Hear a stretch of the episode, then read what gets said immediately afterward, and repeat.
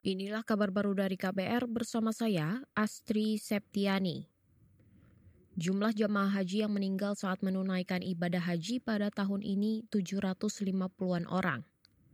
Jemaah terbanyak meninggal di Mekah yakni 650-an orang. Menteri Agama Yakut Kolil Komas mengatakan, mayoritas dari jemaah haji yang meninggal berusia 65 tahun ke atas. Berdasarkan kajian dan evaluasi yang telah dilakukan oleh Kementerian Agama, beberapa hal mendasar yang harus dan sedang disiapkan untuk perbaikan layanan haji di masa yang akan datang, yaitu pertama melakukan persiapan lebih awal, seiring dengan sudah adanya kuota resmi untuk tahun 1445 Hijriah. Kedua, merumuskan kontrak lebih detail terhadap mitra atau vendor di dalam dan luar negeri yang bermitra dengan Kemenak. Ketiga, merumuskan model langkah kedaruratan bersama-sama dengan pihak Arab Saudi. Menteri Agama Yakut Kolil Komas mengakui terdapat masalah pelayanan di beberapa maktab saat jemaah haji berada di Arafah, Musdalifah, dan Mina atau Armina. Masalah tersebut antara lain keterlambatan pemberian makanan, Hari ini, Kementerian Agama melaksanakan rapat kerja dengan Komisi Bidang Agama di DPR. Salah satu agendanya adalah evaluasi penyelenggaraan ibadah haji 2023. Saudara beralih ke informasi selanjutnya. Majelis Hakim Pengadilan Negeri Jakarta Pusat menolak alasan keberatan yang diajukan bekas pejabat Ditjen Pajak Kementerian Keuangan Rafael Alun Trisambodo terkait kasus gratifikasi dan tindak pidana pencucian uang TPPU.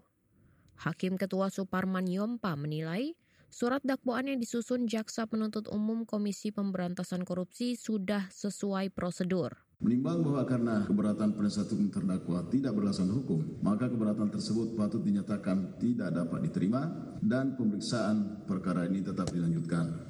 Hakim Ketua Suparman Yompa mengatakan, Surat dakwaan JPU sudah memenuhi syarat formal dan material. Dalam kasus ini, bekas pejabat Ditjen Pajak Kementerian Keuangan Rafael Aluntri Sambodo didakwa melanggar Undang-Undang Pemberantasan Tindak Pidana Korupsi dan Tindak Pidana Pencucian Uang. Saudara, Indeks harga saham gabungan atau IHSG sore ini ditutup menurun 46 poin ke level 6.936. Mengutip aplikasi RTI Business, terdapat 10 sektor di Bursa Efek Indonesia atau BEI yang turun, hanya satu yang menguat. Pelemahan paling banyak terdapat di sektor barang konsumer non-primer yang turun 2,3 persen. Disusul sektor transportasi dan barang baku, juga teknologi. Pelemahan ini juga terjadi pada nilai tukar rupiah terhadap dolar Amerika. Rupiah hari ini ditutup melemah 0,10 persen ke angka 15.365 per dolar Amerika. Pelemahan diduga akibat sikap wait and see pasar dan juga capital outflow yang cukup deras. Pelemahan ini terparah sejak 13 September lalu. Inilah kabar baru dari KBR bersama saya, Astri Septiani.